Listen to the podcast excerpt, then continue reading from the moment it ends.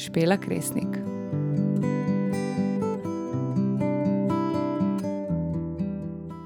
Tematika 45. epizode podcasta Ogledalo morda na prvi pogled ne deluje ravno psihološka, pa vendarle temu ni tako.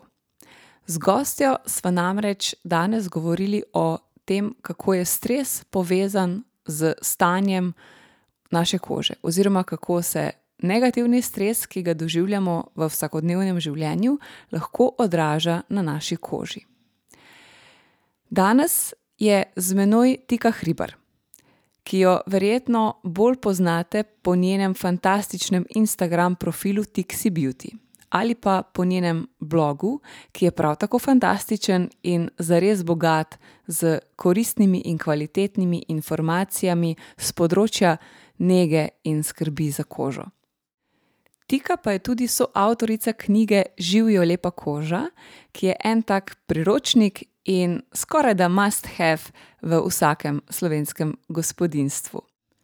S Tiko sva se torej predvsem pogovarjali o tem, kako stres, ta negativen stres vpliva na našo kožo, kje se ta stres najprej pozna na koži, kako je koža povezana z našo samopodobo, kaj pomenijo neke osnovne, oziroma kaj so osnovna pravila nege kože, in kako si pravzaprav tudi lahko pomagamo. Predvsem pa je Tika izpostavila eno zelo pomembno zadevo: pojem odgovornosti, ki ga imamo posamezniki do sebe in do svojih izbir v našem življenju. Pogovor s Tikom je bil predvsem všeč zaradi tega, ker je bil zelo sproščen in zelo zabaven. Hkrati pa je Tika odlična sogovornica ne le zaradi svoje strokovnosti, ampak tudi zato, ker stvari pove na način, kot jih zares moramo slišati, brez nepotrebnih olepševanj. Preden se posvetimo današnjemu pogovoru, pa vas tako kot vedno lepo vabim, da podelite to podcast epizodo tudi med tiste, za katere menite, da bi jim ta tematika lahko bila koristna. Vesela bom tudi vsakega vašega mnenja, vsakega vašega komentarja. In tudi vsa vprašanja so tako kot vedno dobrodošla, lahko mi jih pošljete na moj e-mail info.afnaspelakresnik.com ali pa se mi oglasite v zasebno sporočilo na Instagramu. Povezave, ki lahko najdete Tiko in vstopite v stik z njo, ter ki najdete knjigo, ki smo jo omenjali v podkastu, so vse v opisu te epizode. Še preden se boste potopili v poslušanje najnega pogovora s Tiko, pa imam za vas še eno obvestilo. Namreč tudi to epizodo podcasta Ogledalo podpira podjetje Avemed. Njihovo poslanstvo je povezovanje prvovrstnih, najbolj kakovostnih, varnih in do narave ter virov prijaznih proizvajalcev prehranskih dopolnil in izdelkov za osebno nego. Njihova osrednja vrednota je odgovornost do ljudi. Zato v spletni trgovini avemed.si najdete le skrbno izbrane izdelke, osnovane na podlagi znanstvenih dognanj, saj ničesar ne želijo prepustiti na ključu. Vabljeni, da se tudi vi oglasite v njihovi spletni trgovini in podprete svoje psihično in fizično zdravje z njihovimi prehranskimi dopolnili. Povezavo do spletne trgovine avemed.si najdete v opisu te epizode. Prav tako pa vse poslušalce in poslušalke podcasta Ogledalo v opisu te epizode čaka še koda za popust v spletni trgovini avemet.si. Tako, zdaj pa vam želim prijetno poslušanje najnega pogovora. Tika, pozdravljena in dobrodošla v podkastu Ogledalo. Hvala, Špela, hvala za vabilo. Zelo sem eh, vesela, da sem tu. Ja, tudi jaz sem zelo vesela tvojega odziva, ker bomo danes govorili o eni taki, za moje pojme, fulj pomembni temi, ki mogoče na prvi pogled ni lih unotipično psihološka, ampak je v resnici zelo povezana z psihologijo, pa v bistvu malo globje gre, ne? že na neko samo podobo, pa uh, na te, uh, to ljubezen do sebe, ki pa se kaže mogoče tudi lahko na vzven oziroma na naši koži. ampak zdaj na začetku, preden se mi dve podava v ta pogovor, tako kot vsakega, prosim, prosim tudi tebe, da poveš par besed o sebi, kdo si, kaj počneš. Čeprav um, verjamem, da um, te ogromno ljudi pozna, zato ker imaš fantastičen blog in fantastičen uh, Instagram profil, ki je sploh za tiste, ki uh, smo um, hudi nevedneži v. Sferah kozmetike, skrbi za kožo, kar malo taki nazadnjaški, ali pa se temu še z vsemi štirimi upiramo, je en tak zelo, zelo dober začetek, začeti pri tebi, ker en tak učbenik, no, bom rekla. Ja, hvala ti za vse pohvale, najprej. Mi je že kar malo nerodno. Ampak ja, jaz sem Tika, mislim Tika Hribar. Večina ljudi me seveda bolj pozna pod imenom Tixi Beauty, kjer v bistvu ustvarjam strokovne vsebine o kozmetiki in negi kože. V bistvu sem avtorica teh vsebin, ljudem pomagam do lepše kože z nasveti, s praktičnimi vsebinami, prikazi in pa nas, pač direktno nasveti. Sem tudi soavtorica knjige Živo lepo koža, to je prvi slovenski priročnik o negi kože, kjer sva s soavtorico Tajko Salan, ki je tudi zelo aktivna na socialnih omrežjih in je tudi strokovnjakinja na področju nege kože, sva ustvarili ta priročnik ravno zato, da bi ljudem približali nego kože, jim pojasnili, da ni nič kaj tako groznega oziroma kompliciranega, ker seveda, ko nas marketing zasuva, potrebuješ to, potrebuješ ono, jaz, meni je čisto jasno, da da smo ljudje zmedeni, tako kot če bi šla jaz kupovat dele za avto, najbrž se ne bi znašla. Tako da je ta tak priročnik, ki nas v bistvu popelje od od tega, kako, kako je koža sestavljena, do osnov nege kože, tudi napredne nege, razbijeva nekaj kozmetičnih mitov, govoriva o zavajajočem marketingu, nasloviva tudi določene problematike kožne, kot so akne, atopijski dermatitis. Tako da sva res poskušali zajeti v eni knjigi, na enem kupu vse ključne informacije, da uporabnika kozmetike, potrošnika opolnomočiva. Ker v znanju je moč. In ko jaz mislim, da vsak, ke prebere knjigo, se lahko v negi kože zelo dobro znajde in najde pot do svoje optimalne nege kože. Ful dober opis. In zdaj se mi je ta trenutek zazdelo, veš, ono, kot da je to taka knjiga, veš, ke včasih je bilo, veljalo je, da smo mogli vsi imeti doma eno tako kuharsko knjigo, ne. To je pa ena taka knjiga o koži, o negi kože, ki jo pa tudi bi moralo imeti vsako gospodinjstvo. Saj točno tako je mišljena, da je priročnik, da imamo doma, debela je, dvesto šestindevetdeset strani ima. ljudje smo zadnje čase, ko živimo v dobi, kjer smo navajeni hitrih informacij, nam hitro pade pozornost. Saj tudi zato sva napisali knjigo, zato ker nega kože je lahko zelo enostavna, ampak v osnovi moramo veliko procesov razumeti, sestavine razumeti, in to se ne da v kratkih.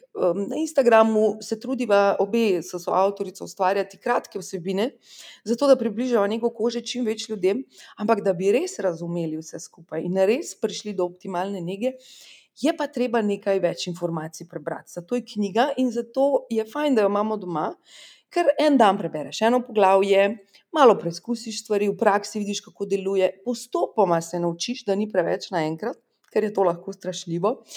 In, in je res tako, ja, kot neka kuharska knjiga. Lahko greš, nekaj pozabiš, greš not pogledat, pozabiš, kaj so retinoidi, še enkrat pogledaš, si kje označiš. Jaz sem najbolj vesela, ko vidim najino knjigo, kako je že cela izdelana. Izdelana, polna enih listkov, zaznamkov, podčrtana, to mi punce pošiljajo v inbox, jaz sem tako srečna. To je njen namen. Punce na kozmetologiji jo berejo, kozmetičarke jo berejo, to je res tisto poslanstvo, ki sva ga konec koncev želeli izpolniti, podaljšek najinega poslanstva, najinih prizadevanj na socialnih omrežjih, kjer res želiva pač kot sem rekla, opolnomočiti potrošnika, uporabnika, da bo točno vedel, kaj dela, in tudi konec koncev svoje kozmetične nakupe optimiziral. Mi lahko ogromno denarja zapravimo za zgrešene nakupe in knjiga je tudi pri tem v pomoč, da dejansko optimiziraš in stališča učinkov na kožo in s finančnega stališča, kar je pomembno. Mm. Eno tako čudovito poslanstvo opravljate. Ne? Ja, Ja. In ko si prej omenila, da ta marketing, ta vloga marketinga, ne, je človek lahko res zelo hitro zmeden, ker na vsakem koraku te bombardirajo. In sploh, recimo, veš, jaz, če se postavim v to kožo uh, nekoga, ki pravzaprav več kot, ne vem, jaz bom rekla, bom kar iskrena, jaz sem okoli 30. leta šele začela skrbeti za kožo. In me je zdaj groza, ko to sicer povem, ampak enostavno jaz sem se prej temu tako zelo upirala, ravno zaradi tega, ker je bilo toliko enega bombardiranja z vseh strani, da nisem vedela, prvič, kje se stvari lotiti, drugič sem se spraševala, a jaz res vse to rabim in to je za me preveč. Pa ne zdaj iz nujno finančnega vidika, ampak nasploh, ko sem jaz poslušala, koliko enega dela imajo dekleta zjutraj, preden da sploh stopijo iz hiše, sem bila, oh moj bog, ne, to ni za me. a ne." In zato sem rekla, da imate res tako čudovito poslanstvo, Mhm. ker to eh, naredite, v bistvu pokažete, da ni tako, kot zgleda. Točno tako. Vse, kar si opisala, je dejansko epitom tega, o čemer bomo danes govorili. Začutila sem stres. ja. Ampak ravno stres naredi ogromno škode koži. Tako da, ja, ravno to je najno poslanstvo, da ljudem dopoveva. Mislim, dejstvo je, da ekonomija mora živeti. Dejstvo je, da moramo imeti podjetja, da moramo imeti gospodarstvo, zato da naša ekonomija sploh funkcionira, da Mhm. imamo službe, da imamo plače. Uh, je pa seveda potem se tu najde ogromno dezinformacij, pseudoznanosti, zavajanja v marketingu. Seveda nas marketing spodbuja k temu, da potrebujemo čim več stvari, ampak gre samo za to. Manj je več. Pri negi Mm. kože je na koncu manj več. Seveda, marketing pa narekuje več je več. Mm. In v knjigi, pa sej tudi skozi najne vsebine, blog, jaz mislim, da je rdeča nit vedno ta, da je manj več in da je seveda pa na nas domača naloga, da se izobrazimo. Mi dve tudi ne moremo čisto vse poenostaviti, lahko pa poveva, um, in tudi jaz to svojim sledilcem vse čas govorim, manj je več in osnovna nega kože je zelo enostavna in pokrije 80 odstotkov potreb kože. Tako da je ta stres odveč, je pa res, da je treba najti pravi vir informacij. In tak vir informacij je ravno knjiga, ali pa Mhm. seveda tudi uh, blog, uh, so moja socialna omrežja. Tako da, ja, delamo na tem, da se zmanjša tudi ta stres, prevelike izbire. Sej imamo tudi dobre knjige na to temo. Prav sem se spomnila, tle gledam, imamo Renate Salecel knjigo, kjer govori ravno o Mhm. tem, kakšen stres povzroča preveč izbire. Mhm, In mhm. uh, FOMO potem, ne? fear Ja, of missing itak. out. In, um, je težko, ampak vse to se dogaja na vseh področjih življenja. na koncu. Definitivno. Karkoli, definitivno. tudi če gremo zdaj kupovati pralni stroj, Mhm. Na, ne, ne raj ga ne bom kupila, ker kako naj Ja. izberem med sto možnostmi, kako naj jaz vem, kaj je najboljše. To je cel projekt. Um, ja, je cel projekt pri negi kože, pa ker je zelo močna industrija, je tega še več, uh, pa ker je področje, ki je na koncu, če gremo v znanost, je zahtevno in je lahko še toliko bolj um, zahtevno za nek, nekega posameznika, ki ne razume osnov. Sej pa zato, zato smo pa tukaj, da te zadeve olajšamo in vsak dan poudarjamo, da uh, ni potrebno uh, veliko, da imamo optimalno nego kože. No, na tem mestu hvala, da to počnete. In v bistvu tudi vsem ostalim, no, ker sej vem, da jih je Ja. še več in se Ja, vsi ja, trudijo. več, ja, ja. In res je to, se mi zdi po eni strani, ne, koliko pravijo, da so ta socialna omrežja včasih škodljiva in tako naprej. Se mi zdi, da so lahko en tak čudovit vir informacij, uh, ampak seveda spet je od potrošnika odvisno, kaj Seveda. bo spremljal. Ne? Jaz, jaz bi tukaj mogoče omenila um, pojem neke odgovornosti Mhm. do sebe, um, do svojega zdravja, konec koncev na splošno. Sej imamo, ne, ni, celo kozmetika ni mogoče tista in njega kože nista tisti najhujši jami zla, Mm. Ampak, ko pa, pa zaidemo na področje zdravja, zdra, dopolnil, um, uh, hujšanja, uh, zdravega življenjskega sloga, tle pa še veliko več informacij, zavajanja. Uh, tako da na splošno moramo pa potrošniki se zavedati, da moramo opraviti svojo domačo nalogo. Da je ne more nihče opraviti na mesto nas. Jaz ne morem Prid v vaš dom, imam predavanja, delati, kako negovati kožo. Morate Mhm. poiskati informacije pri meni, morate poiskati socialna omrežja, so slaba. Ne, mogoče samo ne slediš pravim ljudem. Res je. Če slediš nekomu, ki te spravlja v slabo voljo, ki ti povzroča stres, ki ti daje nerealne ideale, potem ne slediš pravim osebam. Ampak masa se pa ponovadi ravno na takih, uh, ne, ne želim biti. Oh, um, veliko, mislim, vsaj z mojega stališča je veliko velikih profilov, ker mogoče nimajo neke prave vsebine in lahko sprožijo več slabih občutkov kot dobrih. Ampak je na Ja. nas, je na nas odgovornost, da te, takim profilom ne sledimo in poiščemo Mhm. druge. In poiščemo socialna omrežja oziroma so profile na socialnih omrežjih z vseh področji prehrane, Tako. eh, zdravega življenjskega sloga, nege kože, psihološkega zdravja, ki jim vidimo, da, da so strokovni, da jim lahko zaupamo. In kako to vemo, spet moramo raziskati, moramo spremljati. Se pravi, nihče ne more na mesto nas filtrirati. In Mhm. vseeno, če se vrnemo na njegov kože. Moramo uložiti nekaj energije, da pridemo. Moramo kupiti knjigo, oziroma, če ni, ni problema, seveda, mi dve in s Tajko in z drugimi kolegicami ogromno delimo na socialnih omrežjih, tako da ne rabiš niti evra. Mhm. Ampak si pa moraš vzeti čas, da te stvari prebereš. In že tle se včasih zatakne, ker meni tudi ta kakšna sledilka napiše, da ja, jaz nimam časa tega brati. Ja, Se rekla, ja, seveda, sam potem ti jaz ne morem pomagati. Ne? točno to. Um, moramo, uh, seveda pa si določimo v življenju prioritete. Nekomu bo, ne bo prioriteta njega kože in tudi to je čisto povsem v redu. Mhm, mhm. Zagotovo. Uh, se povsem strinjam s tem, kar si zdaj povedala. Ne? In vedno je treba biti do, jaz pravim, da do vseh, ki jih sledimo, v bistvu ne, ni prava beseda sumničav, ampak radoveden, da te zanima več, da ne slepo slediš, Ja. ne? da preverjaš informacije do bilo koga. Ne? Ja, tako. Skeptični tako. moramo biti. Tisti zdrav skepticizem. izbirčni. Ja. Ja, ja, Ja, ja, ja. Ne, ja. ne, da smo zdaj pa še Ja. zlobni, pa po možnosti, ampak ne, ne, vsako dejstvo živimo v dobi, jaz sem že malo starejša. Sem odraščala v dobi, ko je internet komaj, jaz se, spomnim, ko smo klicali internet. je Ja. drag. Zdaj imamo res na voljo toliko informacij in seveda med tem tudi ogromno dezinformacij. In je Mm. v bistvu res se moramo naučiti krmariti v tem morju, ločiti zrno od plevela.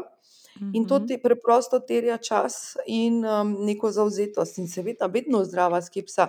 Če piše nekaj na internetu, ne pomeni, da je res. Ja, Če neki točno to. influencer reče, jaz pri neki kože rada uporabim, ker za nega kože, kot rečeno, je tako zanimiva industrija, kjer se generira ogromno denarja. In seveda tudi pri neki kože um, različni vplivneži promovirajo različne kozmetične izdelke, zelo nekritično, zelo nestrokovno. Um, in, uh, in vsak teden je druga krema, ali pa drug tonik, ali pa druga znamka. In, in vse to so vse red flagi, se pravi, neki znaki, kjer lahko Mm. vidimo, da mogoče te osebi, iz st- stališča tega področja, ne rečem za vse, ne gre zaupati. Um, pač moramo, imeti, eh, moramo spremljati, moramo imeti vklopljene radar, eh, da, da to, kar če je nekdo vpliven, ne pomeni, da, da tudi ve, kaj govori. Vse Ja. isto tudi pri strokovnjakih. Lahko gledamo, ne vem, mene recimo to zelo nervira, ko strokovnjaki z področja, ne vem, farmacije, uh, je avtomatično tudi strokovnjak za nego kože. Ne. Mhm, mhm. Ali pa strokovnjak, ki je neuro, za, strokovnjak za nevroznanost, se počuti, da lahko komentira vem, prehrano. Lahko, sam povej, eh, da je to mnenje, da se to tebi zdi. Pač gre za ta nek um, bias, oziroma um, uh, zdravniki so tudi pogosto, to je mogoče še bolj v tujini, ko je, če nekdo zdravnik ima kar um, um, to, da se mu pripisuje, da je strokovnjak za še kar vsa področja. Mhm, Nekdo, ki je mhm. zdravnik, se ne spozna na nego kože. Mhm. Tudi v dermatologiji. Dermatologi se spoznajo na patologijo.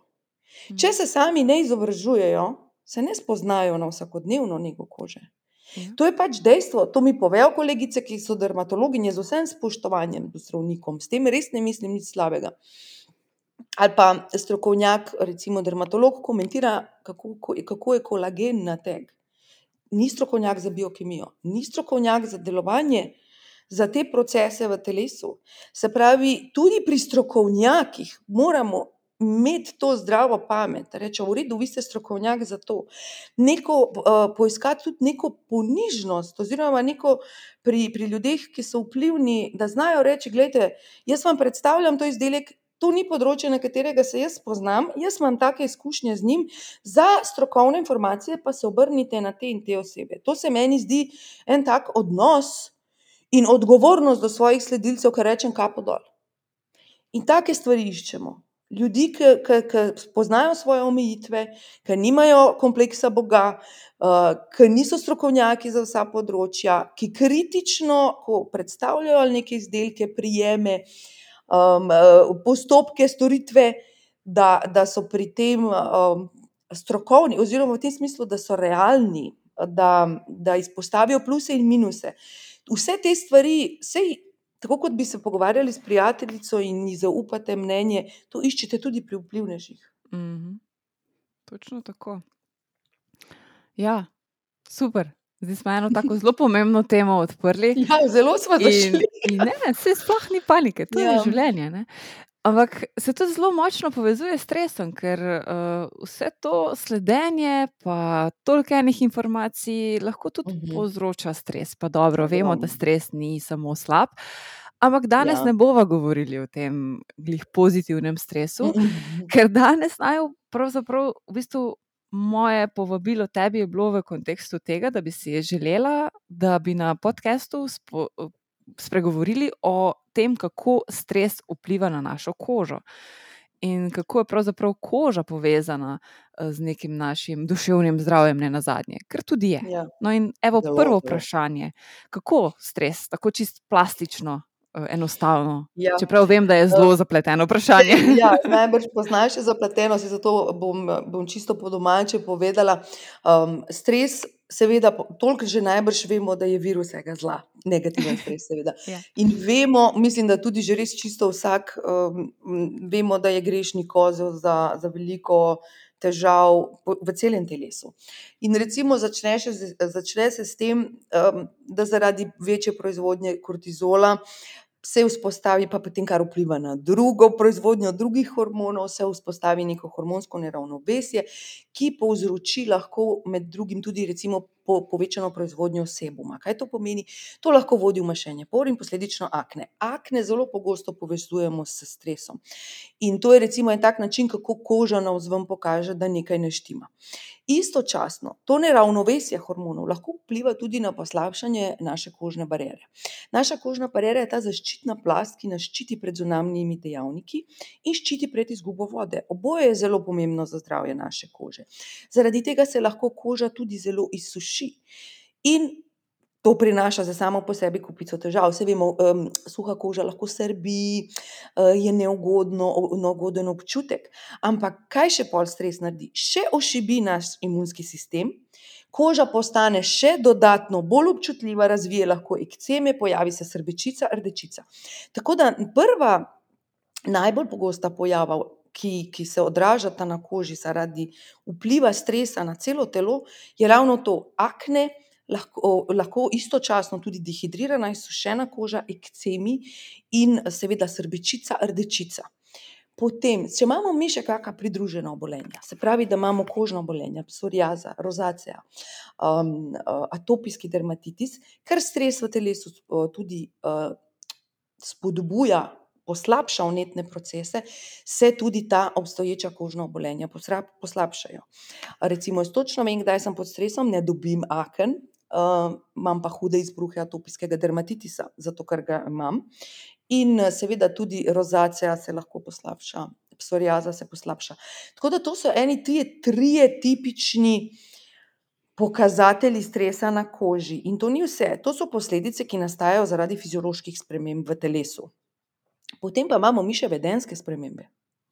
Ker stres kako vpliva na nas? Recimo, zelo pogosto ko, um, ko imamo ti vedensko, recimo, začnemo kožo praskati, mm. začnemo mozolje praskati, se dotikamo obraza, lahko si tudi, recimo, pulimo lase ali pa kaj takega. Se je ogromno teh motenj, tudi, recimo, grizenje nohtov, v redu, to zdaj ni vezano točno na kožo, ampak čisto da vam da prikažem, kako stres vpliva na vedenje in seveda to še poslabša. Če mi mozolčke praskamo, razširimo vnetje, jih bo še več, se vse skupaj še drastično lahko poslabša.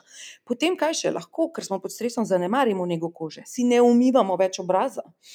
In, in to potem še dodatno nalaga na to, da pride do še več težav na koži. Pol še se ne gibljemo, ne zdravo jemo, uh, in, in vse to, slabo spimo, vse to potem uh, vpliva na kožo. Se pravi, ko na koncu potegnemo črto, stres vpliva na toliko procesov v telesu in na naše vedenje, da se lahko na to na koži izkazuje zelo izrazito. In dejstvo je, da se moramo zavedati, da koža je organ kot vsak drugi.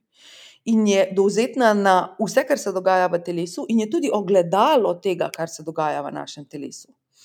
Vse, tudi sploh, ko govorimo o akne, so ena taka težko bole, sistemsko obolenje, ki večinoma ni razumljeno dobro. Mhm. Večinoma si mislijo, da je to povezano tako pogosto, če vprašaš laične ljudi, rekli, ja, da je to povezano z, ne vem, umazanijo ali neskrbijo. Ni. Akne so en tak tipičen pokazatelj, da nekaj v telesu ne štima. V večini primerov. Eh, Seveda, hormoni in vse, um, mislim, ne štima, se jih puberteta je Mhm. pač. Ne moremo reči, da ne štima, žal je nujen del življenja. Ja. Ampak seveda izraža, da se v telesu nekaj um, dogaja, in, in, in koža, moramo jo poslušati, moramo se opazovati. Mi se moramo, kako nam, ko nam koža nam pokaže, da nekaj ne štima, moramo začeti delati v smeri, da to izboljšamo. Mi lahko kožo negujemo, ampak če je težava notranja, če to izhaja iz stresa, ne bo pomagalo, bo do neke mere, bo ublažilo, ampak recimo čist praktičen primer. Moja zelo dobra prijateljica. Um, imela je zelo, zelo stresno obdobje v službi, je tudi prišla do izgorelosti. Jaz sem njena prijateljica, pomagala sem ji na vsaki fazi nege kože. Odlično urejeno nego je imela, ampak vse čas so se pojavljali majhni mozolčki. Ko je šla na bolniško, po dveh mesecih je koža najlepša koža v življenju, zato ker je morala dobesedno odstraniti vz, pravi vzrok. Ni bil Mhm. vzrok na površini kože, vzrok je bil v notranjosti. Mm. In nobena njega ni bila v pomoč. Wow, to je zdaj tak za kar globok razmislek. Ne? Mhm. Zdaj si v bistvu že odgovorila na moje drugo vprašanje, kako, uh, kje in kako se najpogosteje ta stres pozna na koži. Ne? Ja. In ja, zdaj, ko sem razmišljala nazaj o svojem življenju, sicer moram ful potrkati. Nasploh nimam nekih težav s kožo. Ne? Uh, kot recimo, ko poslušam, kdaj kdo ima res neke zahtevne, ne? se zdaj si razlagala, kaj je vse lahko v zadju. Ja. Ampak to ne pomeni, zdaj, da nimam stresa v življenju. Ne, ne, ne, se ni nujno, da se pokaže ne, Ja, ja. Ampak se pa Ja, ja. spomnim, uh, spomnim se pa momenta, ko mm, se je res zgodil en tak uh, zelo neprijeten dogodek in sem ga očitno toliko eh, potlačila na nek način, da se je pol res začela neka srbečica na rokah iznenada. Ne? In nisem vedela, kaj to pomeni. In šele potem, ko sem povezala, da je to možno, zato ker pač Mhm. toliko pa, toliko pa mal, mal te zadeve poznam, ne, da tudi vem, da te alergije pa te stvari so zelo povezane lahko z uh, Zelo. psihičnimi stanji. Ne? In pa sem šele, ko sem to povezala, ampak je bilo zelo zanimivo, da ko sem, sem to v resnici povezala in ozavestila, se je to končalo. In je res, fulje zanimivo. V bistvu nisem rabila Je, je. neke dodatne nege. Ne? Um, res je uh, zelo lepo. pravijo, da psiha ne vpliva a ne, Ja. na zdravje. Ja, Ni okay. samo se tako čisto ena posledica stresa, sivenje las. ja, Kako Mhm. moč ima stres? ja. Zares, ja. Ne, sej, to mislim, da je zdaj že kar uvrženo, ne, da, da, da psiha ne vpliva na. Uh, Ja, na ja, ja. Upam, da je že v Eh, celoti. Tudi, še ko si omenila alergije, no, sem mogoče na začetku, še ko smo se začeli pogovarjati, eh, pozabila, seveda se, tu se tudi poslabšajo ale- alergije. Um, že samo zato, ker se imunski sistem, pač tudi več zaradi stresa, se tudi več histamina Mhm, mhm. proizvaja. In seveda, če, um, in seveda lahko tudi dobimo zaradi stresa dejansko tudi na koži. Um, ekceme in to, ki so lahko tudi posledice alergične reakcije. Uh, tako da lej, vse, vse se poslabša. Ja, ja. lahko. Seveda pa, nismo mogoče omenili, ni nujno, da to pride do tega. Ne moramo zdaj reči, da moja koža je super, jaz nisem pod stresom. Ne gre tako. ne. Um, odziv na stres je zelo individualen. In um, jaz vem, pri meni se poslabša atopijski dermatitis, drugih težav nimam. Pa še to, da se mi poslabša, mora biti res hud stres. To ne pomeni, da jaz prej nisem kot pod nekim konstantnim stresom. Ne? Tako da, ja, ne smemo reči, ah, jaz sem pa v redu, ni nič. ja. Ja, ne, samo je pa zelo, zelo zanimivo, ko si razlagala o vseh teh stanjih kože, kako ljudje najprej grejo uh, na to pokrivanje simptomov. Ne? Zdaj, kaj pa zdaj narediti? Aha, ta krema, una krema, kaj Ja. zdaj. Nikoli ne najprej. Oziroma, ne da bi morali najprej razmišljati o tem, kaj se nam v eh, psihološkem smislu dogaja, ampak ne gledamo celostno. Ne, to je, Ja, To je ful podobno, ful me to spominja recimo na to, ko imamo neke duševne bolezni in uh, gremo samo uh, k psihiatru po uh, medikamentozno terapijo, ampak ne bomo nič delali v zadju, pa bomo samo na, na tak način po berglah se sprehajali. Ne?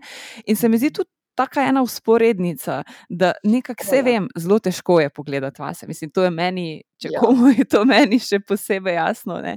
ker spremljam vsakodnevno ljudi uh, in vem, da to, za to potrebuješ res ogromno poguma. Ampak zanimivo se mi zdi ta neka povezava tukaj. Spet smo pri odgovornosti. Mm. Zato, ker ne želimo, um, ne sprejmemo odgovornosti za svoje psihofizično zdravje ne, in želimo kratke, hitre no, Ja, rešitve. ja. Zato pa tudi marketing zavaja. Mi rečemo, da ja, krivi so vem, eh, marketinški oddelki, ki pišejo, vem, da kreme brišejo gube, pa akne. Ne, krivi smo potrošniki, ki na to nasedamo. Če to ne bi delovalo, ne bi prodajali. Isti, na, na splošno smo naklonjeni iskanju hitrih rešitev. In če sem se pa nekaj naučila v življenju, je, da ni hitrih rešitev. Mm. Sploh ne na področju zdravja, sploh ne na področju našega organizma. Mm. In uh, pri tem se zanemarja ravno to. Vsi bi prikrivali simptome, oziroma naslovili samo simptome. Ko prideš lahko k dermatologu, imaš atopijski dermatitis, pa rečeš, dajte mi kremo, dajte, ti, dajte mi pač dobiš kortikosteroid, ki seveda začasno lahko je odlično pomagalo, ampak ni pa rešitev. Mi moramo najti, prilagoditi celo življenje in celotno nego kože temu, da imamo atopijski dermatitis, če ga želimo obvladovati. In tukaj se pri ljudeh ustavi. Ljudje bi potem najraje, ja, ne, da mi kremo, pa namažem, pa je konc. Ampak ta zadeva se bo ponavljala in seveda neustrezno uporabljanje tovrstnih zdravil vodi v v še večje poslabšanje. Ampak kriv bo pa na koncu zdravnik, ker ni Točno našel to. rešitve. Ni Ja. krivda na zdravniku.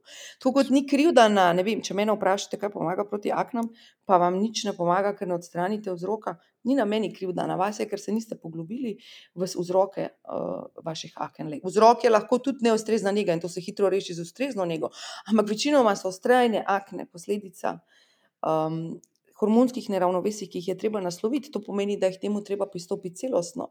Treba je tudi k dermatologu, zdraviti topikalno, mogoče tudi z zdravili, treba prilagoditi prehrano, treba prilagoditi življenjski slog, zmanjšati stres. Večini ljudi pri tem se ustavi, ker enostavno ne želijo toliko vložiti in bi radi hitro rešitev. In tako kot sem rekla, zato se bo prav, vedno prodajale kreme proti celulitu, gubam in, um, in takim, ki brišejo hiperpigmentacije, ker večinoma nismo pripravljeni sprejeti, da bo potrebno veliko več energije vložiti, da bomo težavo omilili ali celo odpravili. In res tak tipičen, ta, res recimo atopija je res tak tipičen primer akne. Um, potem recimo re- PCOS, ki je ena taka pogosta težava, ki jo imajo ženske, ki ima tudi ogromno simptomov na koži. Zaradi inzulinske rezistence prihaja do ogromno težav. Um, pa ženske grejo po hormonsko terapijo in je to, to ne spremenijo življenjskega sloga, ne poskušajo poiskati drugačnih rešitev. Pač to je epidemija, ob tem, da imamo vse informacije na voljo, nimamo energije in, um, in um, moramo se izobraziti. Zato, zato to vedno pou- poudarjam. Na nas je odgovornost, da si izboljšamo kvaliteto življenja, zdravja kože, vsega, odnosov tudi. Ni hitrih rešitev, ni, nažalost, ni. Če hočemo biti fit, moramo redno telovaditi. Če hočemo imeti lepo kožo, moramo dosledno izvajati nego kože.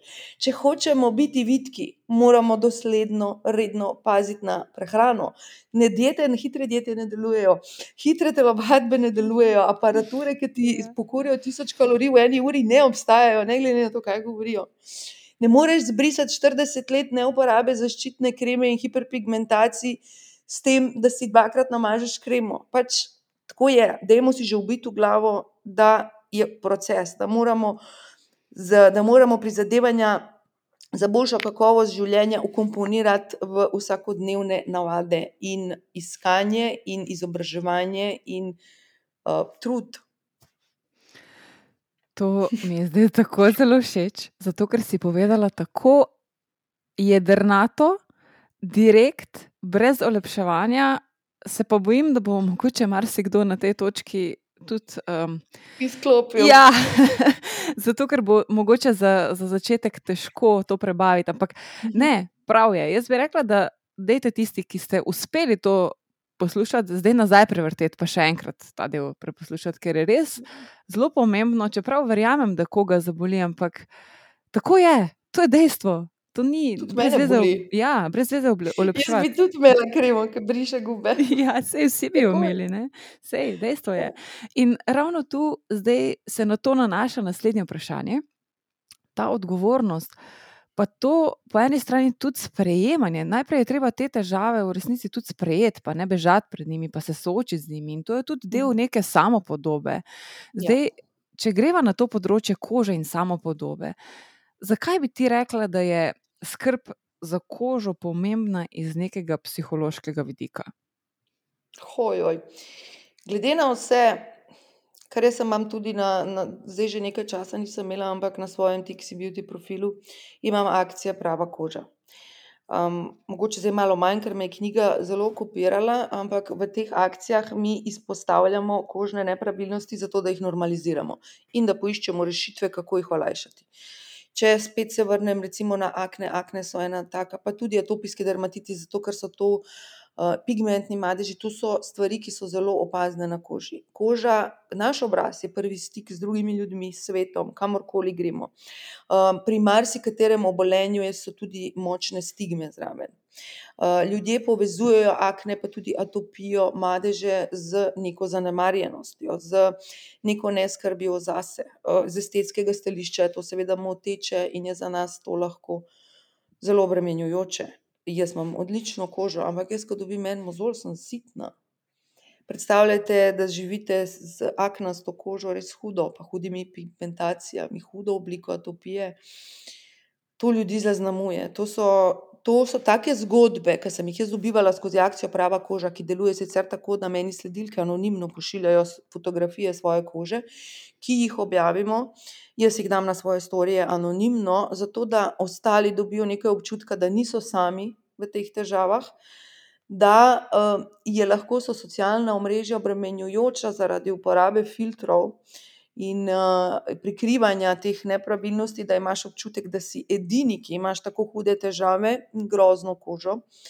Da, vidimo, da vidijo vsi, da imamo pore, madeže, brazgotinice, pikice. Zato jaz tudi dam veliko na to, da ne uporabljam filtrov, da, da, da, da sem stalno v stiku s sledilci s svojo kožo, uh, ker mislim, da jim to, ta stik z realnostjo je potrebno ponovno vzpostaviti, ker tudi to povzroča ogromno stisk in stresa.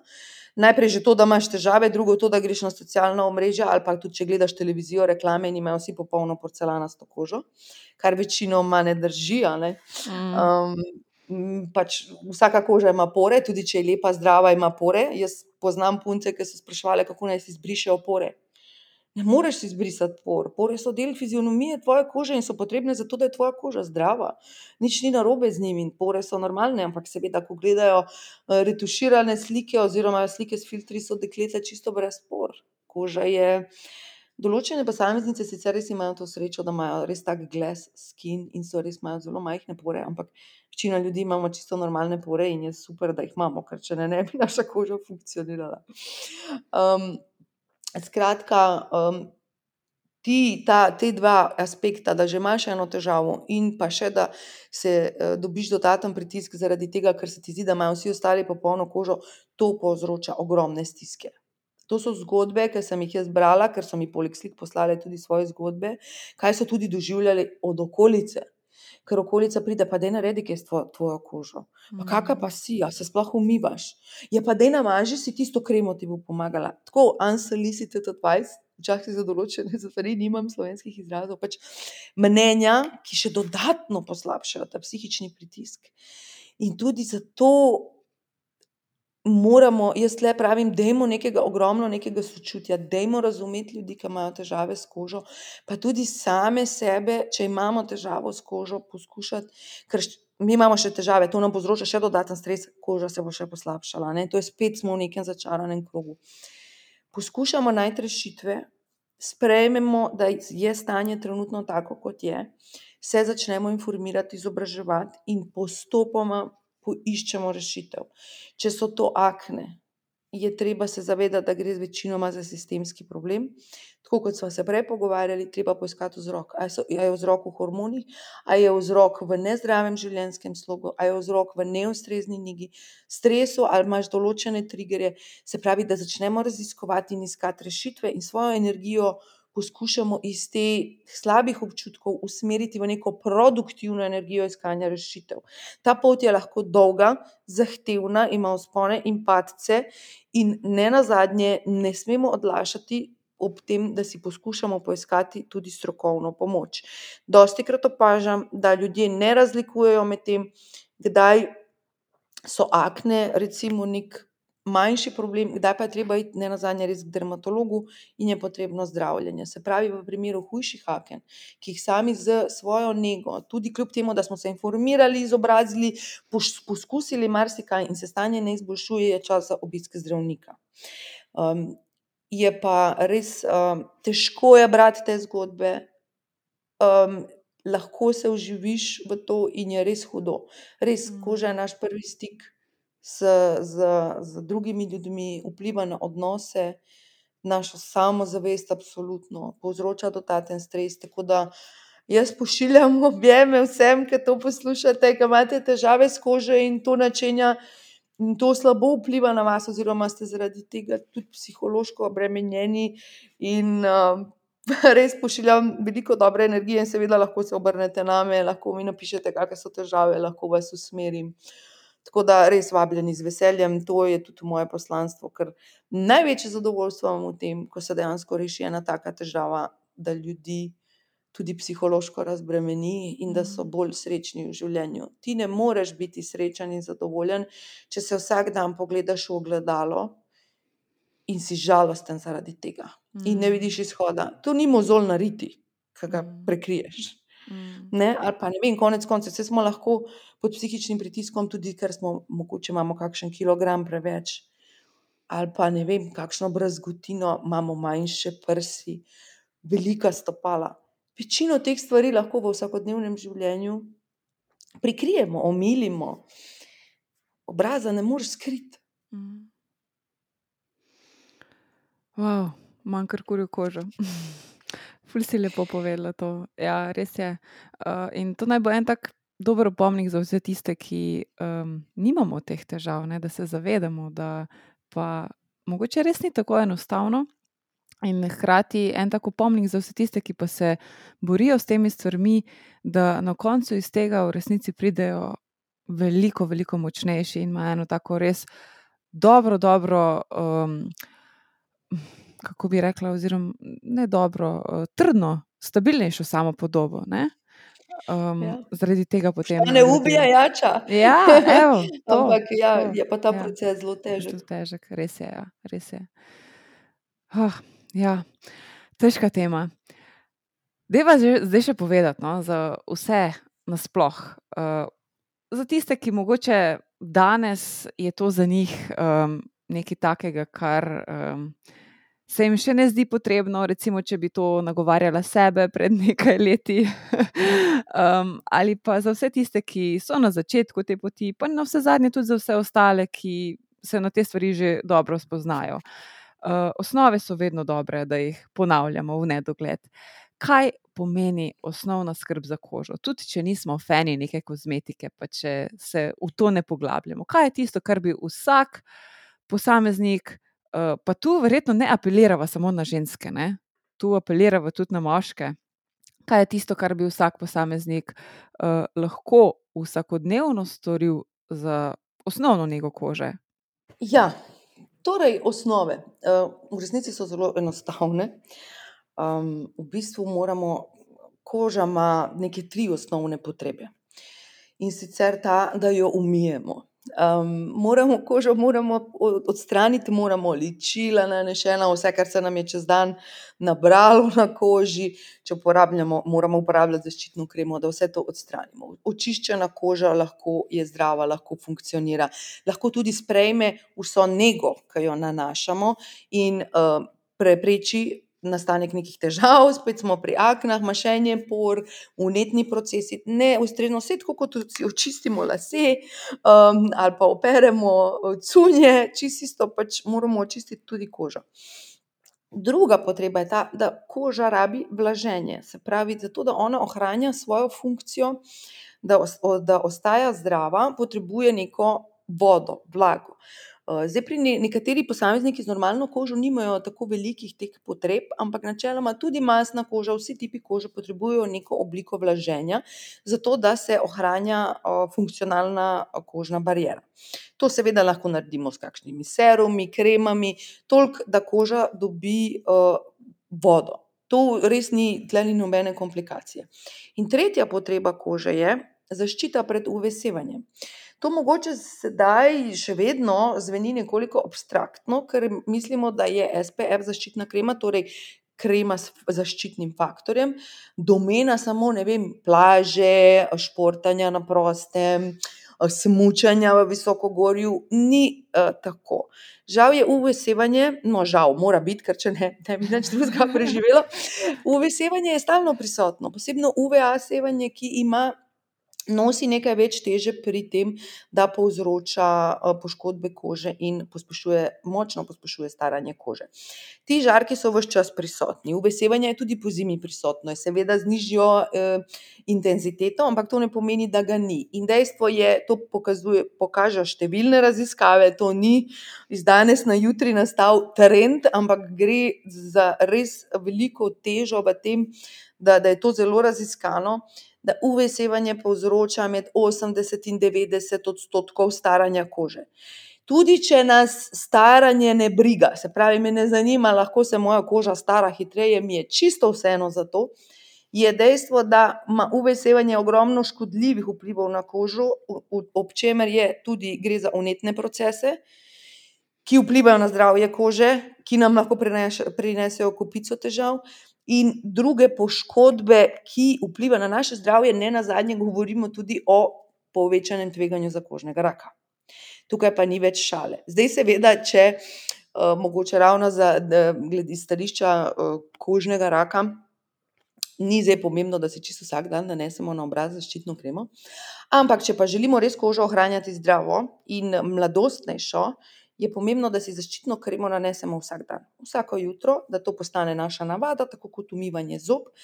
In s tem preprečimo res uh, ogromno neke škode, ki nastaja. Pač uvesevanje uničuje naše celice, povzroča oksidativni stres, nastajajo radikali, ki uh, napadajo naše celice, in zato prihaja gube, hiperpigmentacije, poslabšanje različnih obolenj na koži. Skratka, en cel podcast bi lahko imeli samo o škodljivih vplivih uvesevanja. Uh mhm. Torej, pod črto, tako za moške, kot za ženske, ker konec koncev moški imajo drugačno kožo, imajo srečo, da imajo debelejšo, bolj odporno, hudiči.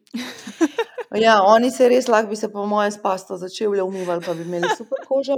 Ja, seveda, ampak še vedno uh, osnovne potrebe se dejansko ne razlikujejo.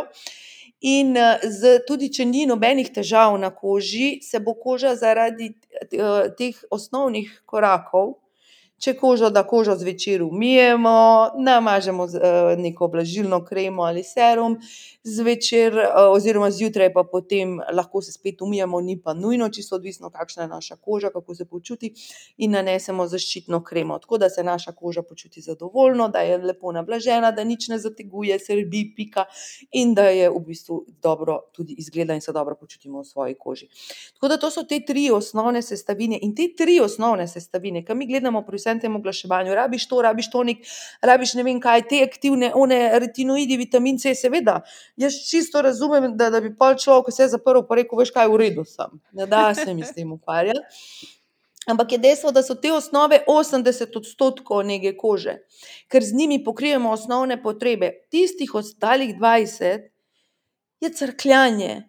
Da res pol naslovimo neke pridružene težave, da se bolj pol ukvarjamo mogoče z aknami, da se bolj ukvarjamo s hiperpigmentacijami, da res želimo ohranjati mladostno kožo in dodajamo sestavine, ki so bolj antiaging in tako naprej.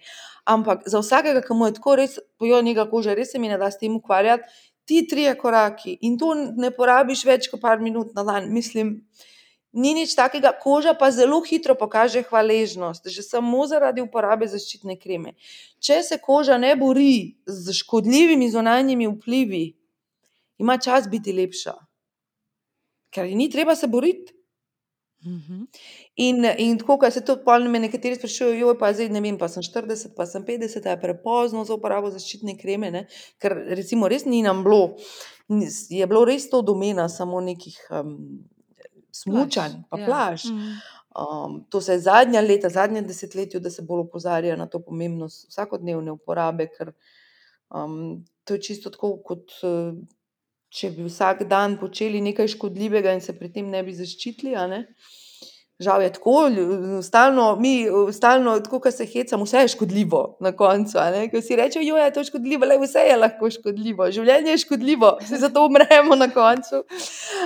ampak da poskušamo to škodo zajeziti in rečem, nikoli ni prepozno za začeti uporabljati zaščitno kremo. Koža bo lepša že samo zaradi uporabe zaščitne kreme, jaz imam sledilke starejše, ke so rekle: "Nič nisem spremenila, samo namažem se vsak dan s Factorjem trideset ali petdeset in je koža lepša." Neverjetno. Zato, ker se, ker se ji ni treba boriti. Pa veš, kaj razmišljam tu? če če gledam malo z nekega drugega vidika. zakaj se upiramo, zakaj se nekateri upirajo tej skrbi zase v smislu vsakodnevne te nege preproste? To je na neki način tudi skrb zase, nasploh. To je čas zase, čas, ki ga namenimo, to je v bistvu stik, ko se mi dotikamo kože, je to stik samim sabo. In mogoče je za koga, ki se temu upira, bi bilo dobro razmisliti, ali si pa tega stika ne želi. A veš, v tem, v tem, v tem segmentu. Morda, toliko res nisem, nisem jaz priznam, ke nisem strokovnjak za določena področja, recimo res toliko nisem v tem, nisem se toliko poglabljala v to, jaz lahko razumem, da to preprosto nekoga ne zabava. mu je pač odveč, ali ji je odveč, glede tega, se mi zdi dobra iztočnica, no, da se razmišlja tudi o tem, da si mogoče ne, iz različnih razlogov misliš, da si ne zaslužiš tega, se ne želiš biti v stiku s tabo, si ne želiš nameniti tega časa, se tudi ne želiš dotikati sama sebe, verjamem, da je tega ogromno, nisem pa zdaj jaz na tem področju toliko, a veš, da bi, da bi, da bi lahko kaj bolj razdelala v tem smislu. Ja, saj, saj ne vemo, če to so tudi kake raziskave, saj Ja, ne vem, ampak ne. Ja, ja, ampak lahko razumem, da se pač nekaterim ne da in da ni tule odzadaj neke hude matematike ali Ja. pa travme ali pa... Ja, tudi to je možno, definitivno. Ja. Tudi to, ker jaz imam, saj jaz imam tudi dneve, mislim, saj jaz sem glede kože, mislim, definitivno vsak dan poskrbim vsaj za te tri osnove, ampak včasih se mi ne da delati celega cirkusa, enostavno mi je bolj pomembno, imam drugje prioritete v nekem obdobju, ne, tako da, ker tudi pri negi kože ni to zdaj tako, da je karkoli nujno, ne, Tako ljudje pol mislijo, da jaz, ke me vidijo, pa: nisem." Jaz ono: "Glej, meni je čisto vseeno, če si zadovoljen, si zadovoljna, I don't care." Mislim, moje poslanstvo je tukaj, da pomagam tistim, ki jih to zanima, ki si želijo neke spremembe, ke Ni, ni se zdaj hodimo okrog, pa imaš zaščitno kremo, gor, o ti. Ja. ne, pač, mislim, na koncu tako spet se bomo vrnili k stresu. Zakaj? Če vam neka koža povzroča stres, je bolj, da se ne greste, ker vam bo stres povzročil veliko več škode kot uvesevanje, pa je uvesevanje res je vhodič. Ja. Uh, mislim, ne v smislu, zdaj pa še ena stvar. Ne, za uvesevanje res se govori, res je, je škodljivo. Ne, ima, je to dokazano, tle ni nobenega dvoma. To ne pomeni, da, ker pol vidim, da ljudje razvijajo fobijo do tega. Ne, da, da, ne, da ljudje ne znajo, da vidijo ljudje stvari samo črno-belo. Življenje je siva cona. No, to je pa še ena dobra knjiga. drugače. ampak, um, ampak hočem reči, ni črno-bele. Redko kaj, matematika je črno-bela. Ne? Mhm. Vse ostalo je sivo področje. Sonce nam daje življenje. Brez sonca bi umrli, v treh dneh bi cel svet šel. Ampak um, je pa dejstvo, da ga moramo uh, z njim ravnati s spoštovanjem. Mhm. Ja, oziroma tako kot elektrika, ista stvar. Pač elektrika je super, brez elektrike, mislim, če jaz ostanem dan brez elektrike, ne vem, ne vem kaj bom, nič ne dela brez elektrike, ampak ne bom pa dajala prste v ne? Zaščitena sem pred elektriko, imamo vtičnice, imamo tako, Mhm. nimamo živih žic zunaj.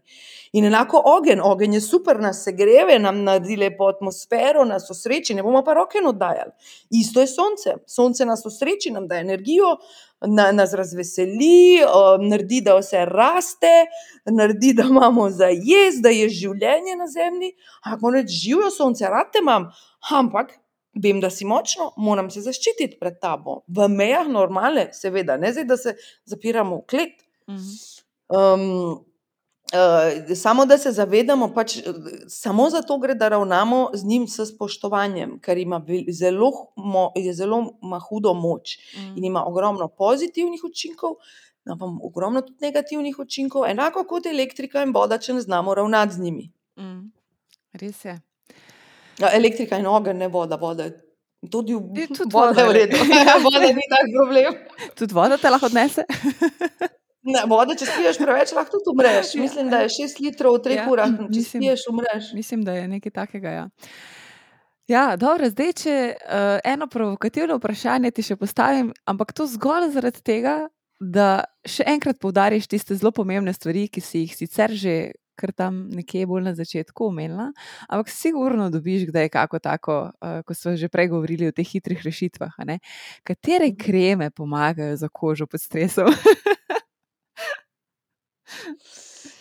Ne, žal, mislim, um, uh, ja, res je provokativno. Mislim, ni ene kreme, ni ene točne ali pa ene. eh, Najboljše je, da za kožo in če ste pod stresom, niti ne kreme, pač seveda zagotovite, da koži uh, zadovoljite njene osnovne potrebe s temi osnovnimi koraki. Če vas neka koža zabava in vas ne spravlja v še večji stres, vas sprošča, jo uporabite kot način za sproščanje in zmanjševanje stresa. Se pravi, naredite si rutino, naredite si ritual, malo se zmasirajte. Če vas to veseli, vam bo to pomagalo tam, kjer je dejanski problem. Zakaj ima vaša koža problem? Pri stresu. Se pravi, več boste naredili za kožo s tem, ko boste šli na sprehod, meditirali, šli na terapijo, zdravo jedli, se gibali in poskušali na različne načine zmanjšati stres, ki ga imate v življenju, kot sama neka krema. To, kar prihaja od znotraj, je vedno desetkrat močnejše od tistega, kar mi nanašamo zunaj. Neka koža nam je pri težavah, ki izhajajo iznotraj, samo v dodatno podporo, pika na i, nikakor ni rešitelj.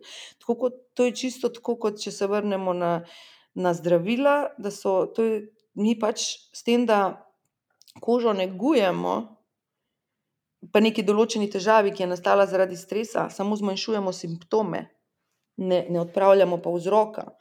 Tako da je neki, recimo, bo boljše stanje, ampak ne bo, pa, ne bo pa stanje bistveno bolje, dokler ne odpravimo vzroka, ki je recimo stres. Ja, zelo dober odgovor. Hvala. Uh, Ja, z veseljem. za konec, uh, da še tako malo strnemo misli, bi te še povabila, da en tak pečat odložiš v podkastu Ogledalo uh, z nekim takim zaključnim sporočilom, ki bi ga želela pustiti za vse poslušalce in poslušalke podcasta Ogledalo. Ja, upam, da ste preživeli do konca.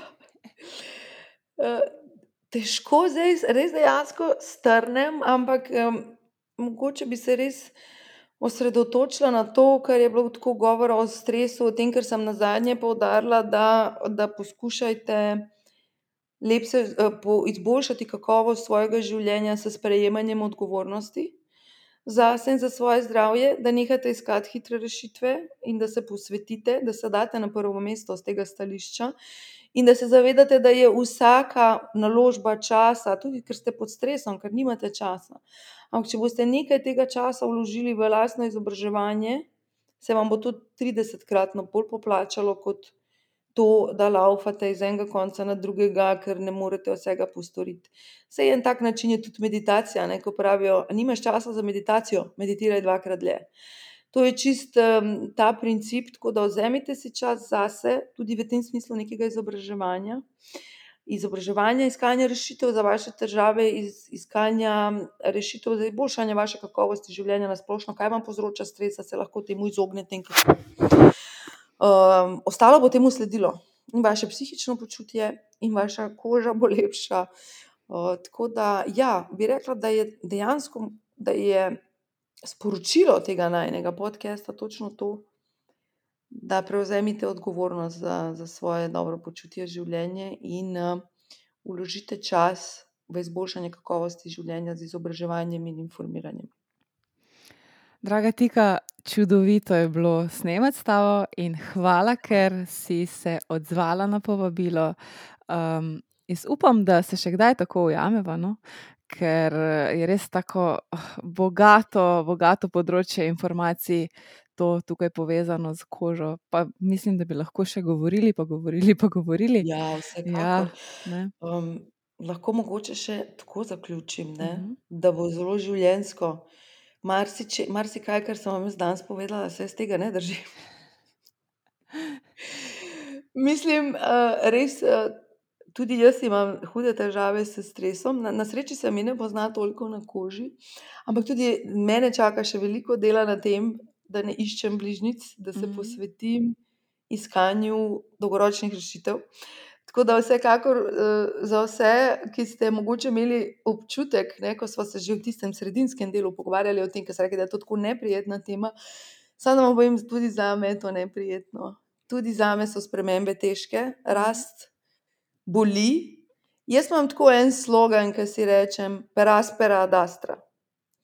To je v latinščini po trnovi poti do zvest.